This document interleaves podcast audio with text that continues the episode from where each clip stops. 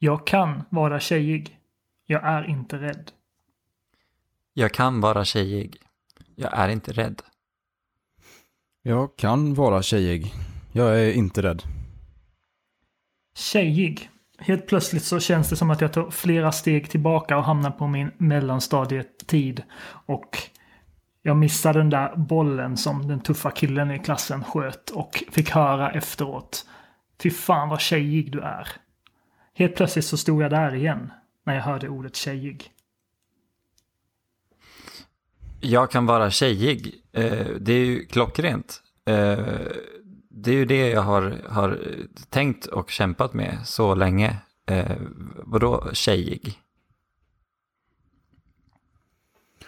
Ja, det här var träffande. Jag...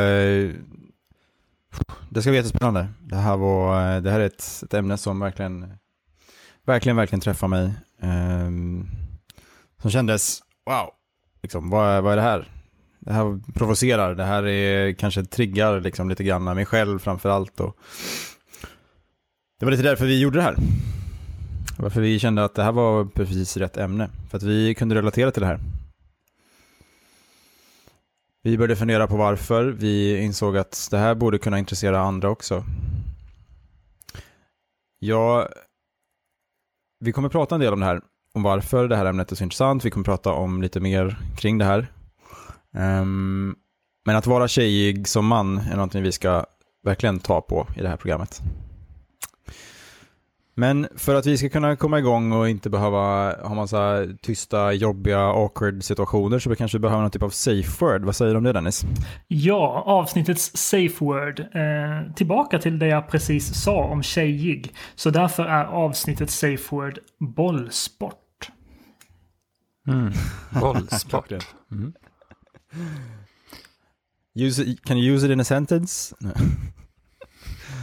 Så de gör en sån här wordspell eller vad det heter, de ska stava ord. Um, spelling bee heter det kanske. Hur eh, känns det, nu, vi har redan gått in lite på det, men hur känns det att prata om det här ämnet? Dennis? Ja, eh, alltså som jag sa, det är som en liten nostalgitripp tillbaka till min uppväxt. Och, och då var ju det här ordet tjejig väldigt negativt laddat och väldigt liksom sårande och träffande på något sätt. Och, och det ska bli spännande tycker jag att, att få, få, få prata om det här och, och få liksom avsluta det kapit kapitlet. Och förhoppningsvis så känner jag att det inte är så sårande när vi är klara här idag. Elias? Mm. Jag, eh, jag ser fram emot eh, det här avsnittet eh, för att jag känner att det här ämnet kommer göra att vi, alltså, att vi tycker lite olika saker. Jag tror det kommer bli spännande. Ehm, Mm. Det ser jag väldigt mycket fram emot. För jag, jag har förstått lite när vi så här nuddat vid det, att, att vi tycker lite olika, har lite olika upplevelser. Och det, ja, det är kul. Ja, det ska bli spännande. Jag håller med. Ehm, jag tycker det ska bli kul att bearbeta ämnet lite grann. eh, få lite mer perspektiv på det. Ehm, jag har haft liksom, man har suttit med sina, eller jag har suttit med mina liksom uppfattningar om ämnet och, och ehm, begrepp och känslor kring det. Nu ska vi få dela med oss och, och eh, höra varandra, så det ska bli jättespännande. Så att vi sätter väl helt enkelt igång snart, ska jag säga. För att vi ska börja med att göra en liten uppföljning. Ehm, förra avsnittet så pratade vi om en utmaning. Om att eh, svara ärligt eller så att säga medvetet eller närvarande framförallt när någon frågar hur är det eller hur mår du? Framförallt om det var en, en, en man eller någon som man inte vanligtvis pratade om det med som frågade. Så eh, min fråga är väl hur har det gått? Om Elias kan börja kanske. Ja. um, jag, jag, jag hade faktiskt inget speciellt eh, tillfälle som jag tänkte ta upp. Men nu när du frågade så kom det upp ett. ehm,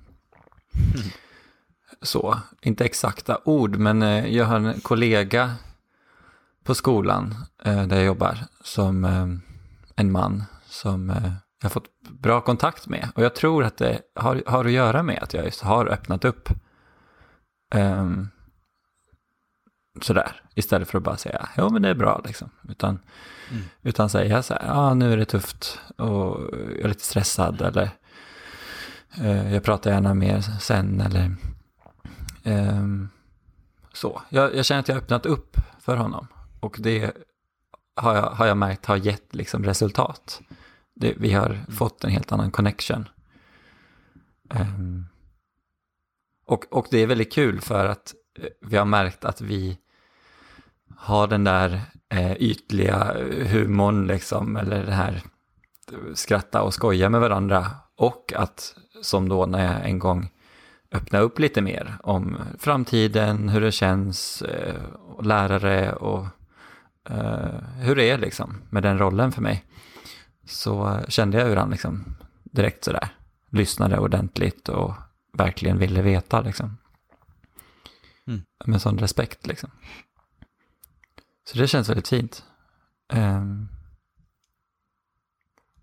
så det är väl allmänt, allmänt så att flera kollegor som jag har som jag öppnat upp för mer så. Ehm, men framförallt han då, som om man tänker just med andra män som man ska våga Mm. svara ärligare. Kul. Mm. Bra att det, har, att det har gått framåt att säga, eller att det har gett någonting så. Ja, jag har inte tänkt på det, men det kom, kom, kom på det nu.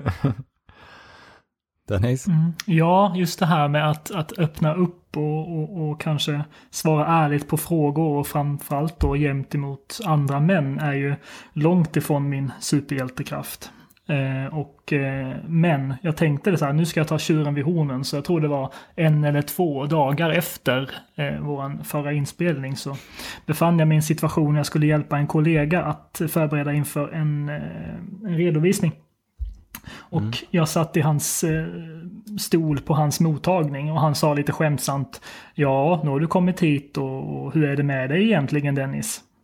För att jag var på hans mottagning då, så det var ju lite komiskt. Och då valde jag att svara ärligt. Och, och det, vi hade ett kort men ett väldigt fint samtal och, och jag känner att efteråt så, så kändes det direkt som att man hade fått ett annat band till varandra. Och, och Mm. jättetrevligt har det varit med den här personen. Eh, den här mannen efter, efter det här. Mm. Mm. Hur har det gått för, för dig Mauri? Jo, jag tycker det har, har gått framåt. Jag eh, har, har haft lite olika liksom, förmåga att göra det här tidigare också. Att, att, att jag har kunnat göra det ibland med, med lite halv, halvt, vad ska man säga, kalla relationer, eller vad man ska kalla det. Um, när man liksom bara har kallpratat kanske mest. Men, men ehm, ibland kunnat göra det liksom också, bara svara ärligt. Och inte förvänta mig att den andra ska svara ärligt också liksom tillbaka. Men, men den här, nu, senaste tiden har jag liksom, nu när jag aktivt tänkt på det lite mer så har det känts att liksom, nu kan jag göra det lite oftare, göra det nästan, inte varje gång, men liksom våga vara lite mer ärlig liksom. Och det har känts väldigt häftigt varje gång. Um, det, det är framförallt då eh, så manliga kompisar som man märker att de också vågar mer än de tidigare gjort. Um, det, det liksom gör att, att, att man verkligen man öppnar upp en dörr som, som kanske inte var, var så öppen. Och eh, jag tror vi pratade lite om det förra gången, att någon måste börja, någon måste börja, någon måste börja våga börja med mig så att säga. Och eh, det, det var väldigt påtagligt. Jag tycker det, det känns häftigt. Jag kommer fortsätta göra detta så mycket som möjligt. Att uh, försöka vara så ärlig som möjligt hela tiden. Jag hoppas att ni också känner det och att våra lyssnare känner så också. Uppmanar till att göra det. Verkligen. Ja, men precis. Alltså mer och mer. Det behöver inte vara Mm. liksom en stor grej, en stor så här, man öppnar upp totalt. Utan det är ju, ju mer man vågar öppna upp Exakt. varje gång liksom, eller någon gång sådär. Så Mm. Ja, det, det lilla ge- ger verkligen det stora alltså. Eh, Det kommer lite hela tiden då. Bra, vi, jag ser fram emot att titta lite på nästa utmaning. På, på dagens ämne så att säga. Så får vi se var vi landar där. mm. Men eh, tack så mycket för era delningar den här gången. Och tack för min egen. Ska jag säga som programledare? Jag vet inte. Eller ledare av detta. Jag vet inte. Tack, Mauri. Men, eh, ja, precis. Tack, tack för din delning Mauri. Tack. Eh, då går vi raskt vidare till eh, ett eh, kulturellt inslag den här gången framfört av Dennis på något sätt. Ingen aning om vad det här ska bli, så att eh, scenen är din. Tack, nu är det jag. Precis. Eh, jag hade ju lite smått panik eh, inför den här uppgiften, ett kulturellt inslag. Men så satt jag häromdagen framför braskaminen och, och värmde mina kalla händer och fötter. Och då, som så många gånger förr, så kommer orden bara flytande till mig. Och serveras som en trevlig smörgås. Och då tecknade jag ner de här orden och det här är vad jag tecknade ner. Hörru du, sluta vara en sån tjej. Orden likt en nål mot huden punkterande. Jag tittade upp. Det var riktat mot mig. Jag tog illa vid varför så lite reflekterande. Men hämta bollen då din jävla bög. Sänkt huvud och undvikande blick. Jag hämtade bollen. Ville ju känna att jag dög. Jag var för långsam. De svarade med orden stick. Bara stick. Resultatet av att missa en boll. Homosexuell man och ung kvinna. Det går ju inte riktigt ihop, detta yttrande i moll. Ändå ville jag inget annat än att det skulle försvinna. Varför ta illa vid? Varför fylla hjärtat med svid? Varför låta någon annan bestämma över min tid? Varför vara tyst och timid? Det som yttras av troll uppfattas ofta som moll, men är ju yttrat av någon som inte har koll. Istället för att ta illa vid borde jag bara ha sagt LOL. Manligt eller kvinnligt med dålig bollkänsla. Kan vi inte bara överpensla? Börja om och bygga självkänsla. Så att alla, oavsett kön, med mod i blicken, livet kan gränsla.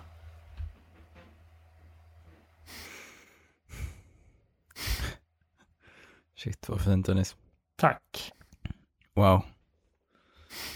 Ehm, det syns inte för att det här är ljud, men jag, alltså, jag blir tårögd. Det, det var träffande. Tack. Det värmer. Mm.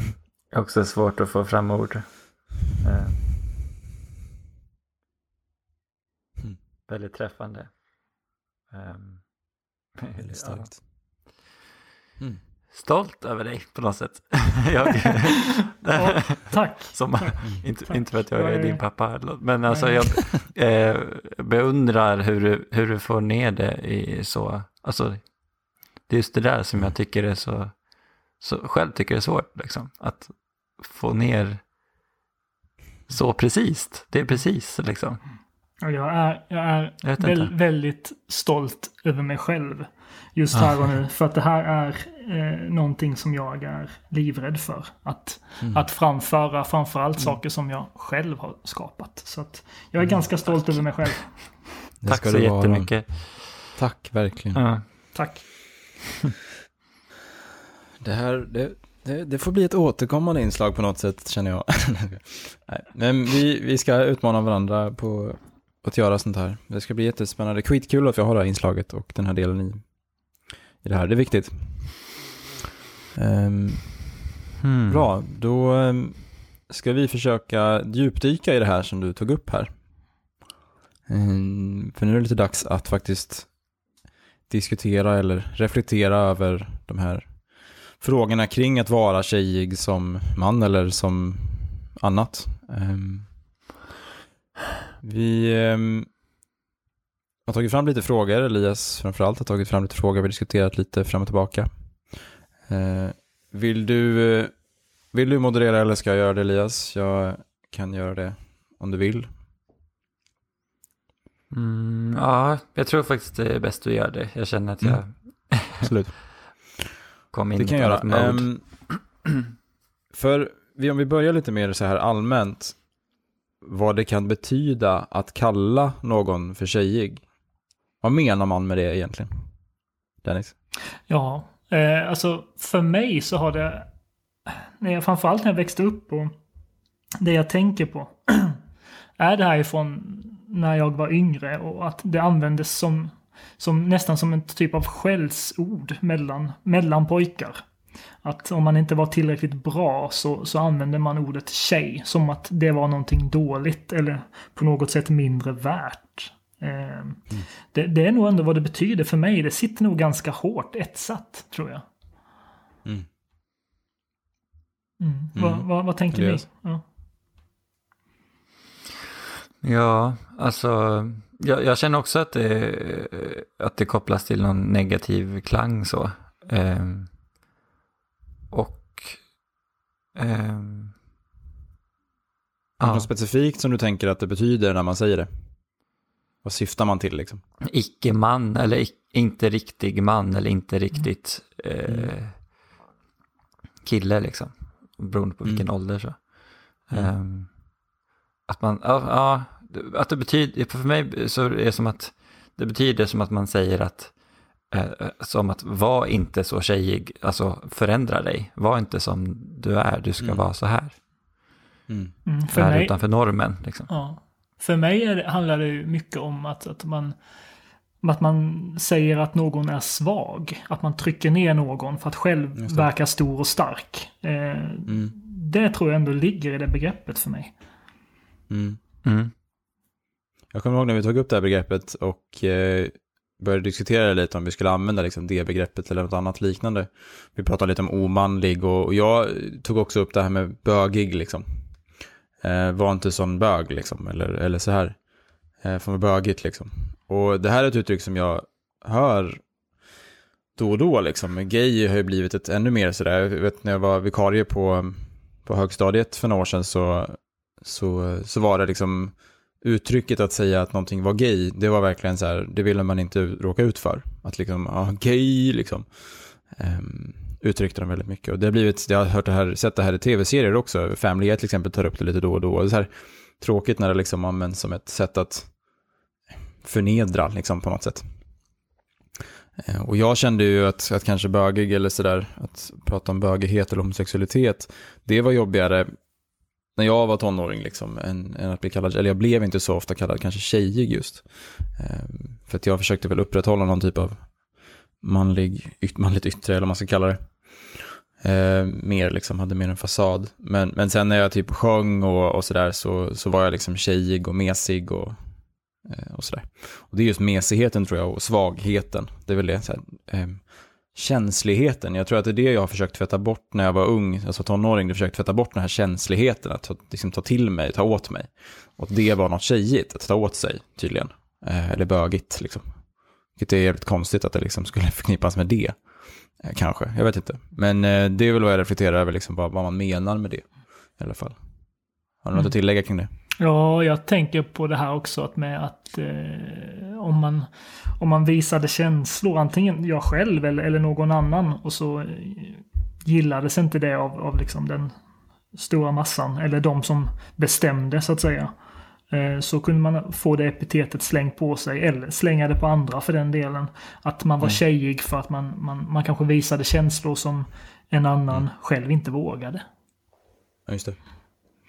Jag, eh, ja, det här övergår kanske till nästa lite grann, men alltså jag, just nu känner jag bara så här sån ilska och sorg när vi pratar om det här. Mm. För att, ja, det känns så himla viktigt.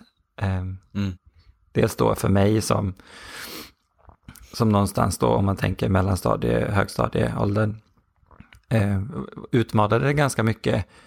Eh, spelade Askungen och klädde ut mig till tjej och allt möjligt. Men också liksom att det blev nästan som att det blev min roll i livet också.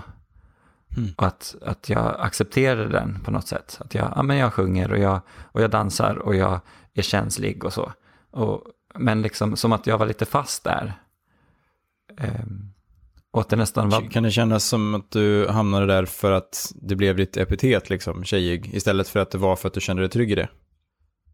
Ja, alltså det, det var, det var nästan som, som en motsats till, eller alltså nästan som att jag revolterade lite grann för att inte vara manlig, för att inte vara macho mm. och det som jag tyckte var så destruktivt.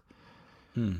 Eh, så på ett sätt så tror jag att jag var ganska stark, men Men samtidigt så har det blivit att jag har kopplat man, att manlighet ska vara så negativt.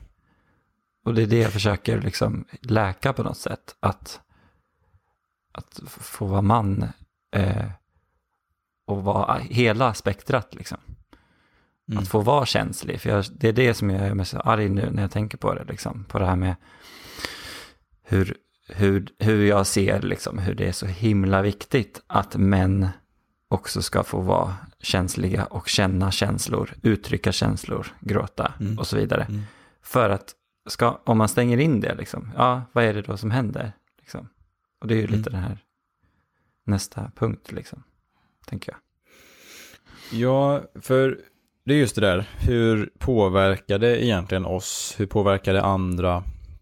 Hur påverkar liksom det, alltså, om man tar det stora samhället, att man använder sig av sådana här typer av uttryck och sådana här, som man kallar det, den här typen av smutskastning av ett visst beteende som det egentligen är, om man verkligen ska kolla på det i ett brett perspektiv.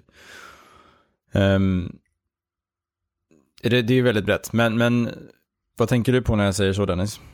Ja, men jag tänker på det här med att, att om man smutskastar eller, eller på något sätt eh, trycker ner ett beteende som, som, som eh, någon inte gillar så till slut så kommer ju det beteendet att upphöra eller i alla fall minimeras. Och, och då har vi ju ett samhälle som kanske ser ut som det gör idag i mångt och mycket. Att, att män, vi män inte ja, men vi ska vara tysta och starka. Den tysta och starka mannen. Eh, att eh, ingenting ska någonsin vara ett problem och man ska inte få reagera med, med känslor. Eh, möjligtvis att man ska få reagera med ilska. Det, men kanske inte så mycket annat. Kanske glädje också när man vinner. Liksom. Det, är, det är ofta då det syns. Liksom. Och kanske, eh, kanske att pojkar får gråta när de förlorar en fotbollsmatch, Ja. på en final. Då får, de, då får vissa på gråta tydligen. Eh, Då är det okej. Ehm, men, men hur påverkar det så att säga de andra eller de som, de som kanske äger det uttrycket? Om man säger en tjej ägs kanske av tjejer kan jag tycka. Alltså, eller eh, inte äger men när man säger någon att någon är tjejig, hur påverkar det tjejerna? Yes. Ja, men det, jag, jag tänker på det som Dennis sa med att. Att det någonstans har blivit som en, eh, något, ett uttryck för att vara svag. Mm. Eh, så då handlar det inte om bara vara tjej eller kille som helt neutrala eller på samma nivå, utan då blir, det blir som något svagt, något nedvärderande. Mm. Eh, det tror jag att det blir för tjejer också. Eh, Att tjejerna på något sätt också lär sig att man ska vara, att de är svaga och känsliga. Och att det är ett problem. Precis, och att eh, på något sätt, jag, jag, vad jag ser i omvärlden så, så eh, i min närhet och längre bort så med feminism och så, är ju att man någonstans också försöker ta tillbaka liksom att vara tjejig, att vara feminin, eh, girly, så här, att det kan vara något starkt, liksom, något positivt, något så här eh, fantastiskt och inte något liksom, ja, tjejracket, tjej, kasta eh, tjejkast liksom. Alltså så här, som att det är sämre än ett killkast liksom, sämre än det. Mm. Eh, men att egentligen så, så skulle du inte kanske behöva vara eh, något negativt eh, för, för en tjej till exempel. Att, att, att man är tjejig.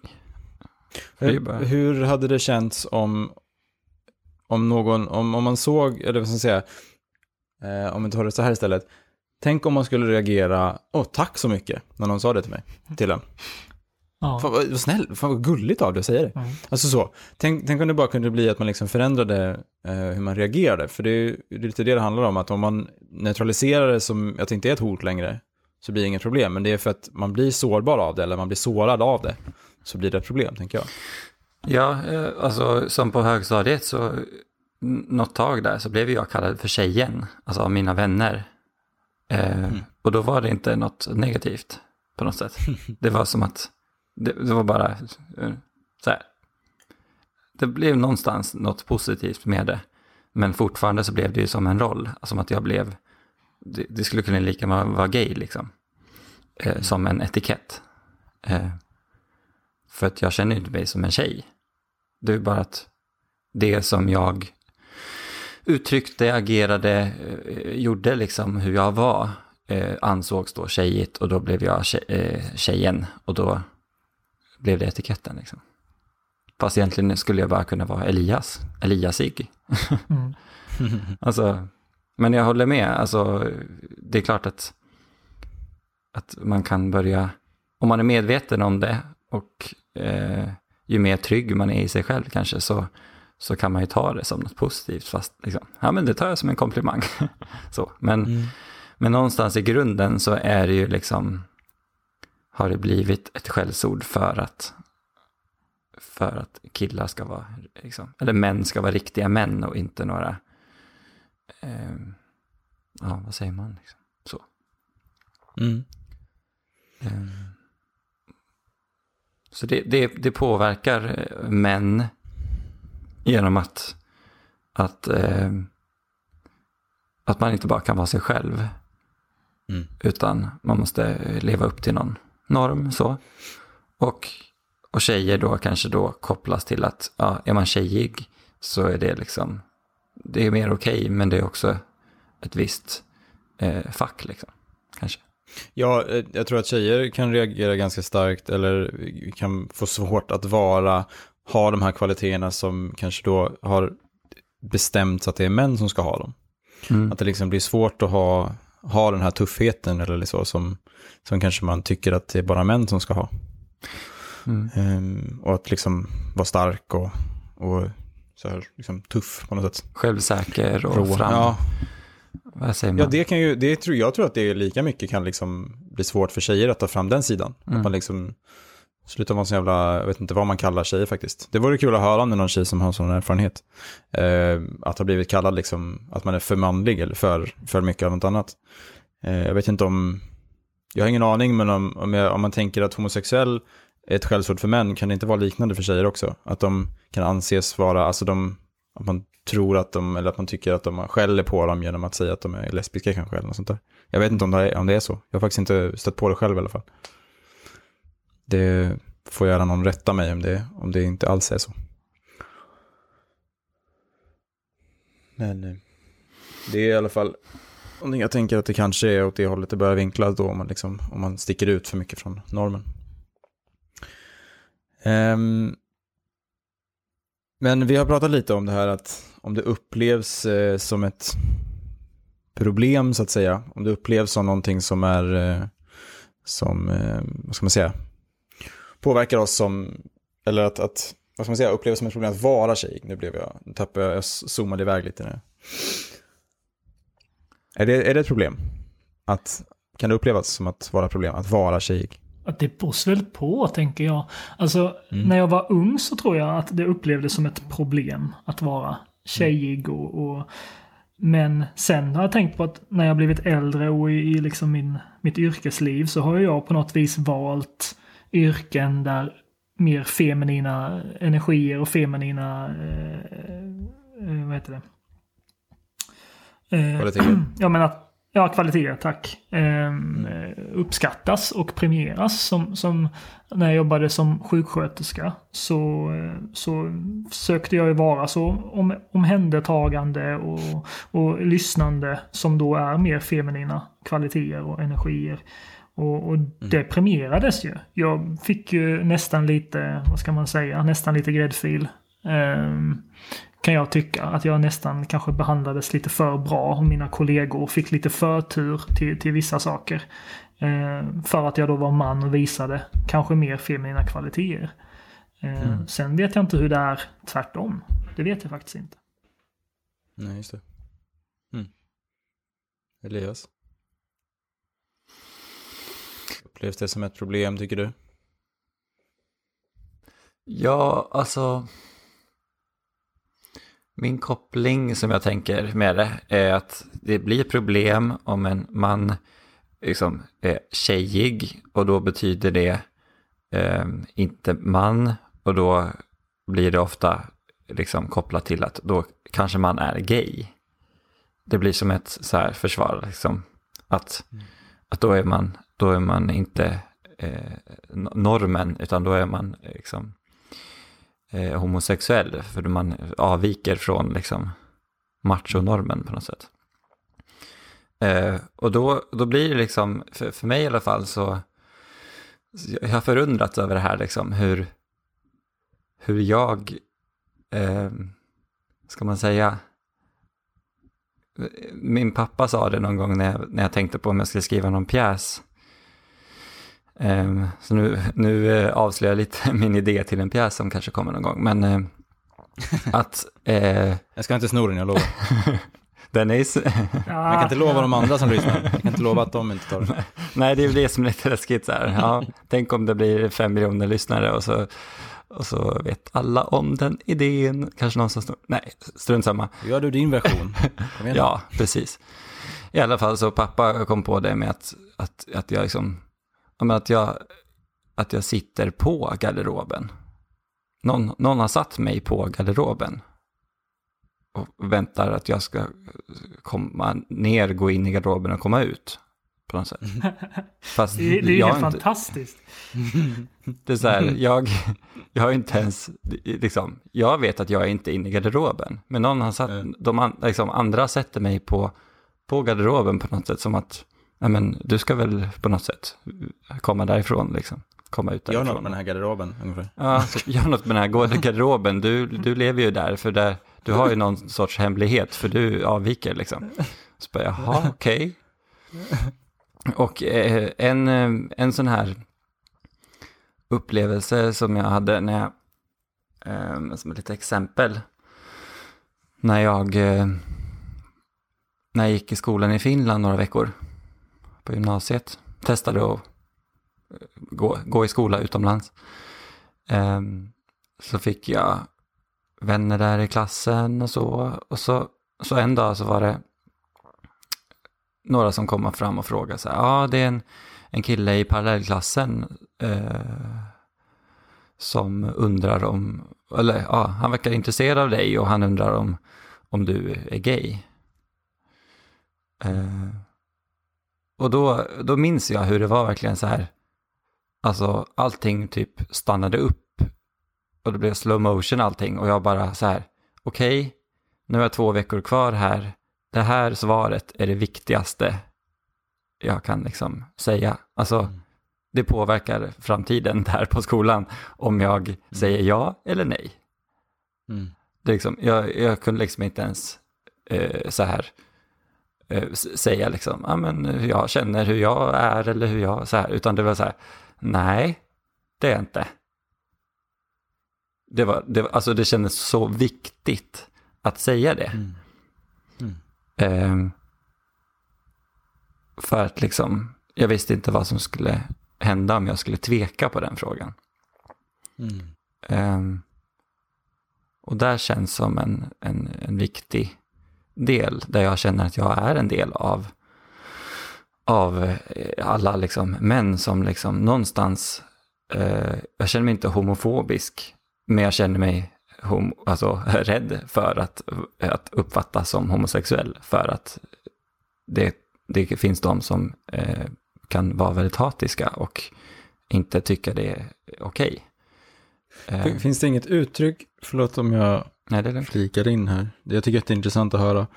Men jag bara får en tanke om att homofobi handlar väl om att man är rädd för någon som är homosexuell, eller så? Man är rädd för homosexualitet hos andra, väl? Ja, eller fast om man tänker nu som till exempel, det finns säkert massa fler exempel, men som i Glee, mm. eh, tv-serien, mm. så är det ju en som eh, är jätteelak mot en, eh, en som är öppet homosexuell. Och sen visar det sig att han är själv homosexuell. Ja. Men liksom, alltså att, att det är mer, eh, Ja, alltså jag tror, jag tror att homofobin mycket handlar om liksom rädslan för att eh, uppfattas som att andra ska tro eller att man då är men att man inte vill att andra ska få veta det. Eh, och därför så blir man så mot, eh, för att annars om man inte skulle bry sig så skulle man inte heller bry sig om, om, om, om, andra var som de var. Liksom. Varför, ska, mm. varför ska man bry sig så mycket?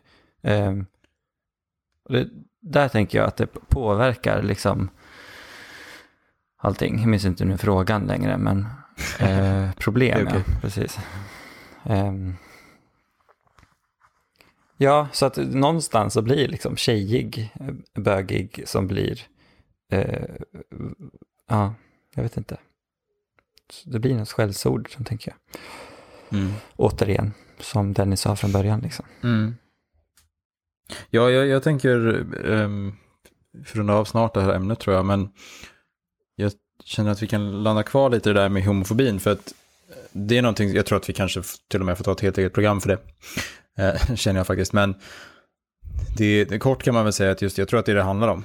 Man är rädd för att själv, alltså någonstans rädd för att det, att det ja, att själv bli uppfattad för. Och det är jätteintressant. Varför är man så rädd för att uppfattas som homosexuell? Varför är det så hemskt? Eh, är det som kommer in med, upp i mig, liksom att det är någonting som man har gjort det liksom till djävulen på något sätt, att, att vara det eller uppfattas som det. Eh, hos många i alla fall. Och det, det är ju så här, det är klart att det porträtteras så i många delar av världen också, men det är straffbart att vara homosexuell i vissa delar av världen. Och det, det är liksom, det var inte länge sedan, det var ju bara vad är det, bara några år sedan, två år, eller förra året eller något, som det blev lagligt att gifta sig eh, med samkönat gifte i i giftermål i USA. Eh, till exempel. Ja, det Och är... det är väl inte jättelänge sedan det var så i Sverige. Nej, och det här är ju precis som du säger, det här är ju någonting som vi behöver djupdyka i. Eh, Mm. I ett helt eget avsnitt, för det här är ju helt... Det finns så mycket att prata om eh, och lyfta kring detta. Och det bara väller kring tankar i huvudet på mig, men jag känner ju att vi måste ju rulla vidare. Ja, exakt. Nej men eh, det är ju det är intressant att det leder till det när man pratar om tjejighet liksom. Att det Mm. någonstans så kommer det till den här vad rädslan egentligen bygger på. Vad rädslan är att inte vara, och det är riktig man då, som vi pratade om innan. Mm. Eh, och sen till slut då att riktig man då också skulle leda till att man skulle vara bög eller homosexuell. Okej, hur, hur gjorde man den kopplingen liksom? Ehm, det, det är ju sjukt intressant. Eh, det gillar jag verkligen att tänka på. Tack för att vi djupdök lite i det ändå. Så. Mm. Mm, Ehm, absolut. Det är klart vi gör det. Ja, det är, Från det ena till det andra. Det är, det är vi som bestämmer. alltså. Så. Exakt. Från det ena till det andra, ehm, eller kanske tredje. jag vet inte. Men vi bryter av här lite med, med en liten berättelse, eller lite information om mig och Dennis som Elias ska få framföra. Det här är info om Dennis och Mauri. Ja, ehm, Mauri är en em, fantastisk person. Eh, och det vill jag berätta om, om honom idag, som eh, vissa kanske vet, men andra inte vet. Ehm, nej, nu ska vi inte vara så nyhetsgris. Ehm, men eh. Mauri, eh, han eller du, ja, han eh, sjunger fantastiskt vackert. Ehm, och eh, spenderat väldigt mycket tid ehm, på att sjunga och körer och grupper och så. Ehm, sen, eh, man kan väl säga sen gymnasiet ungefär, Mauri, eller hur? Mm, det kan man Som det säga. har blivit liksom mer och mer så. Precis, första året på gymnasiet var väl då jag precis började sjunga Ja. aktivt. Sommaren innan egentligen. Och sen årsprojekt i det, individuellt arbete med det och så Mm. allt möjligt. Men jag, jag ville bara berätta det om, Mm. om dig, liksom, för de som inte vet. Att Mauri sjunger väldigt vackert och jag älskar att sjunga med honom. Ehm, så det ser jag fram emot att höra kanske någon gång i podden. Kan vi Vem hoppas. vet? Vem vet? No pressure. Ehm, ja, och eh, om Dennis. Ehm, som, eh, som säkert kom fram förra eh, avsnittet så har ju inte vi känt varandra så länge. Men jag tar av det som jag, som jag vet. Ehm, och eh, det jag vet, vilket blev extra tydligt eh, idag i det här avsnittet, är ju att du är en fantastisk poet.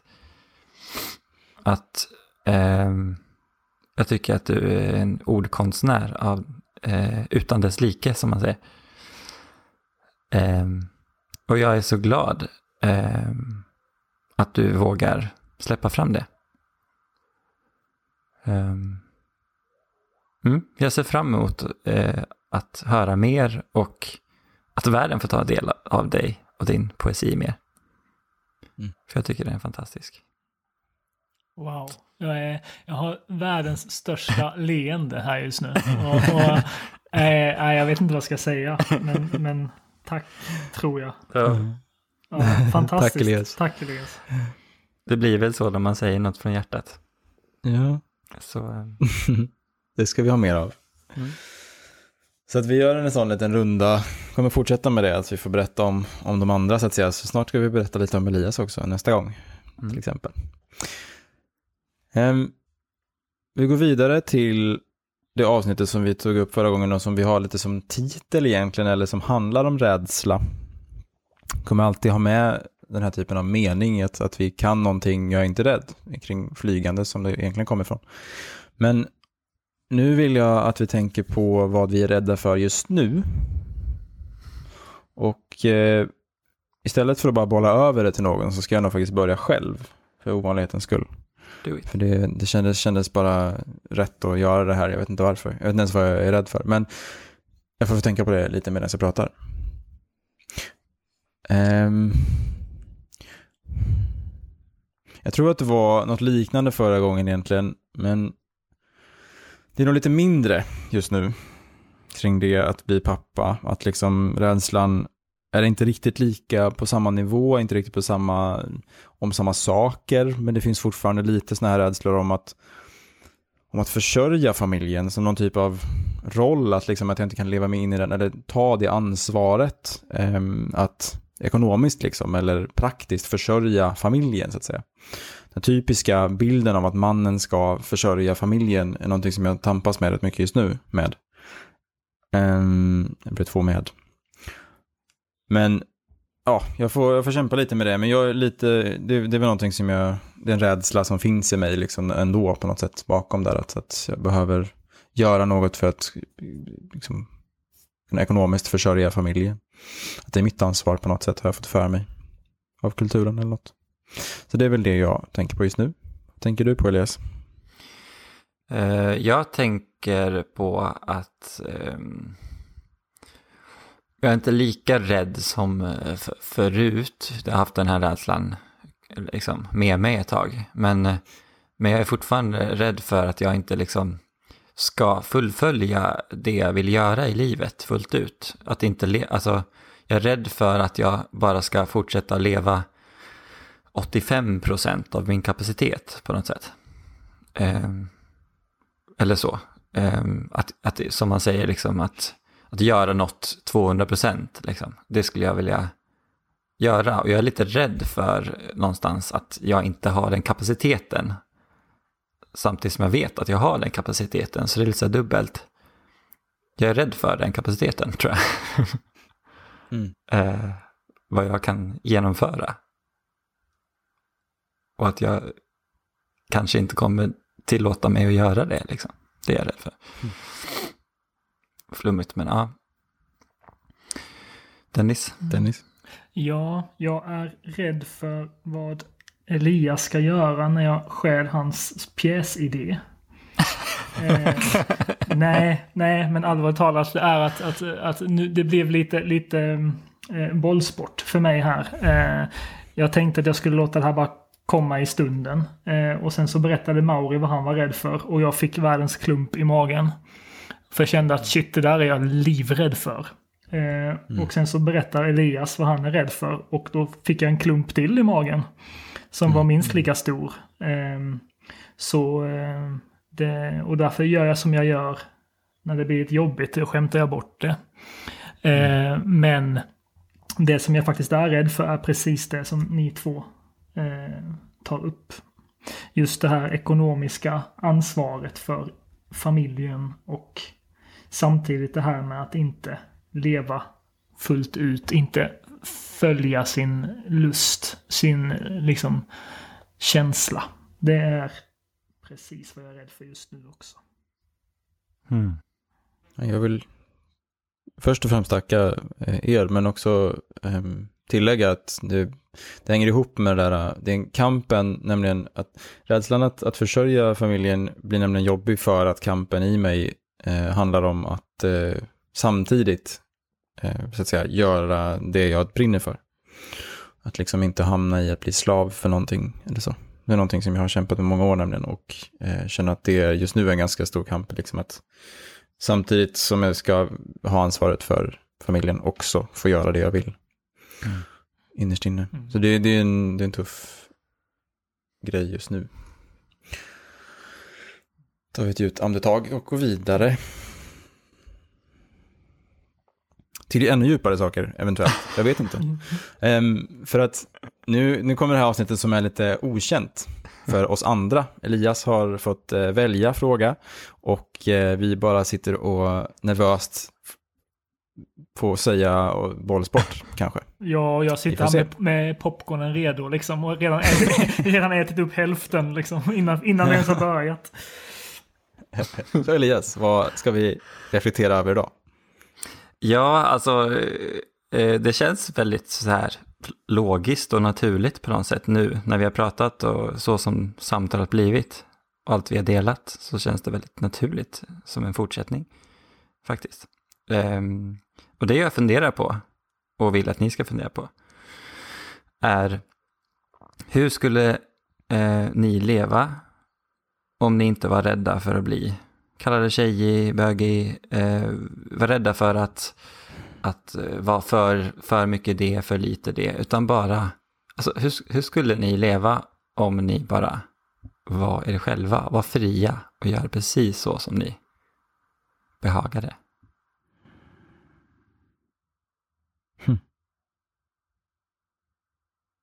Oj, ja, vilken, vilken fråga. Um, det, det är svårt, alltså på ett sätt så vill jag säga att jag skulle inte leva på något annorlunda sätt än vad jag gör idag, men jag tror inte riktigt att det är sant. Eh, utan jag tror ju att det är ändå någon slags liten rädsla som alltid finns där, att man inte är, att jag inte är tillräckligt manlig, tillräckligt, ja, med olika manliga kvaliteter eller maskulina kvaliteter som att liksom, ja, men det här klassiska att vara bestämd och, och, och ta, ta snabba beslut och, eh, och det där kan jag känna ibland i min yrkesroll är någonting som jag försöker leva upp till. För att det krävs av min yrkesroll men också för att jag kanske just är man. Och, och frågan är om jag skulle göra det om jag verkligen inte behövde eller verkligen inte trodde att jag behövde. Det var en, ja, det var inget svar, det var mer bara en, ett utlägg kring det. Mm. Ja. Det är okej det med. Mm. Det, det viktiga är ju att vi börjar reflektera. Det, man måste inte komma fram till något. Så, Nej. egentligen. Hmm. Mauri? Jag är ändå, jag är glad att jag senaste, alltså, ja, senaste åren helt enkelt har börjat göra mer av de sakerna som jag har brunnit för. Vågat göra det jag faktiskt velat. Gjort mer estetiska grejer som att sjunga och jobbat med alltså, grafik och form och estetik, liksom estetiska saker. Det har fått, det har fått liksom gött så att säga de, de sidorna i mig som kanske har som jag kanske har skämts för lite eller, eller inte liksom kunnat bejaka riktigt, eller vad man ska kalla det. Um, men det har gjort att jag snarare blivit starkare på andra sidor, andra sätt. Så att eh, jag vet inte om jag hade gjort så mycket annorlunda om jag nu inte alls skulle bry mig, men jo, jag skulle nog ta för mig ännu mer helt enkelt. Eh, jag skulle nog eh, våga faktiskt bara sjunga ut utan att behöva låta så himla bra. Alltså du vet, jag skulle kanske släppa lite mer på det. Mm. Eh, om jag inte brydde mig om vad folk tyckte eh, om saker. Jag skulle kanske ta en sång när någon bad om det bara så här, men sjung en trudelutt, ja, ja då gör jag väl det sådär. Men, men nu är det mer så här, håller jag tillbaka för att jag vill öva på det och kunna det bra innan jag gör det, sådana här saker. Så det är klassiskt, eh, liksom, ehm, lite perfektionistiskt, liksom, vad som är kontrollbehov som jag har kring, kring de sakerna. Mm. Och samtidigt som jag kan bara improvisera mig fram och göra fantastiska grejer när jag sjunger. Så det är så här kontraster. Men eh, jag behöver bara veta att jag, att jag kan det. Så är det lugnt liksom. Men ja, nej, det, det blev en liten längre utläggning om just om att våga göra mer av, av det. Men jag hade, jag hade nog vågat, eller då hade jag inte, ja, hämningarna hade liksom varit väldigt små i alla fall. Och lite borta. om man inte hade brytt sig. Så det hade varit superskönt. Jag vet inte varför de är där egentligen, men det är som de är. Man kanske inte hade tänkt så mycket innan. Jag hade nog inte Mm, tänkt nej. så mycket innan jag handlade tror jag. Utan mer gått Mm. på den där känslan. Eh, Mm. Jag tror det. Vad, vad Visst, känner- visst, visst vore det härligt att, leva, att leva så? ja. Ja. Ja, Vad hade du eh, själv? eh, ehm, jag... eh, ja, men jag hade nog bara expanderat. Och det är det jag försöker... Ja, det är lite så här min intention för nästa år. Expandera på alla möjliga sätt liksom. Eh, och jag vill egentligen sätta etiketter på, eller så, vad det heter liksom så. Men som att, att jag med träning till exempel har jag haft ett motstånd för att jag liksom eh, tänkt att det, det bara är för att visa upp muskler liksom. Sen insett att Mm. nej men det vill jag göra för att jag mår bra av det, för att jag vill, liksom, för hälsan. Och sen vill jag, vill jag liksom kunna så här sminka mig eller ha lite nagellack om man känner för det. Eh, det. ehm, åt, åt alla håll på något sätt. Eh, Ja, alltså våga, kan, våga gråta mer, våga eh, vara Mm. bestämd, eh, säga ifrån. Bara expandera, följa, följa känslan, följa passionen liksom. Mm. Magkänslan. Mm. Vad tänkte du säga Dennis? Jo, nej, alltså jag tänkte bara det här att, att det här med att, att då kanske våga ta på sig kläder som man vill och våga sminka sig som du säger eller måla naglarna utan att par parodera kring det. Mm, Eh, precis, alltså, bara för man känner för det. Ja, precis. För det känner jag att alltså, jag har inga problem med att kanske måla naglarna eller någonting åt det hållet. Men jag tenderar nog tyvärr att, att hamna i att jag liksom lite gör narr av det och skojar kring det. Istället för att Mm. kanske göra det mer allvarligt. Mm. Eh, ja. Visst, jag håller med. Ja, det, där träffar vi någonting. Mm. Mm. Verkligen. Hmm. Det är som att man försöker gömma sig för den delen när jag, när jag tänkte på det innan. Liksom. Att våga göra liksom det också. Vilken del? Absolut. Nej men just att eh, jag kanske tänkte, jag vet inte, jag tänkte på en helt annan bana, men det var jätteintressant att du tog upp det just det där kring att bara våga uttrycka sig på fler sätt liksom, som man, Mm. som annars hindrar, man annars hindrar sig själv från att göra. Mm. Jag hindrar mig själv från att göra. Mm. Ehm, jag har en del kläder som kan uppfattas lite liksom tjejiga så att säga, och, eller färger så att säga och så. Och jag skulle nog ännu liksom lättare för att bara välja dem och ta klänning någon dag eller kjol eller vad fan som helst. Om jag bara liksom hade släppt lite på spärrarna. Mm. Eh, det har varit häftigt. Vi ska förmodligen faktiskt gå vidare för att Mm, tiden eh, precis. säger det. Mm. Och jag tror att vi får hoppa över nästa punkt också för det känns som att vi har gjort tillräckligt mycket insikter och, Ja. och, och sånt. Ehm, så vi går direkt på utmaningen som vi ska diskutera lite inför så att säga, till nästa gång. Och vad kan vi då hitta på, apropå det vi precis pratade om i den här frågestunden, eller frågan, reflektionen. Ehm, jag får faktiskt fram lite sånt där, att våga kanske utmana det här klädseln, eller måla naglarna, eller håret, eller sminka Mm. sig. Kan vi inte, kan vi inte, skulle inte det vara en häftig utmaning att testa det någon gång, se hur det skulle kännas? Ja, Absolut. jag håller helt Eh, med. Det, det och- och- känns ju som en verklig utmaning. Ja. Och, och kanske då också just ha den här intentionen att inte så här göra något eh, knasigt, liksom. eller vad säger man? Om, om någon frågar så bara, ja, jag kände för det, eller så här. Alltså, Mm. Mm. inte så här, Och göra gör det smakfullt, inte göra någonting plojigt liksom, utan göra Ja. det kanske, ja men välja något som man faktiskt tycker om. Ja, Och liksom inte bara ta på sig en tiara och, och liksom alla möjliga så här saker som kanske inte känns som en själv, om du nu inte gör det.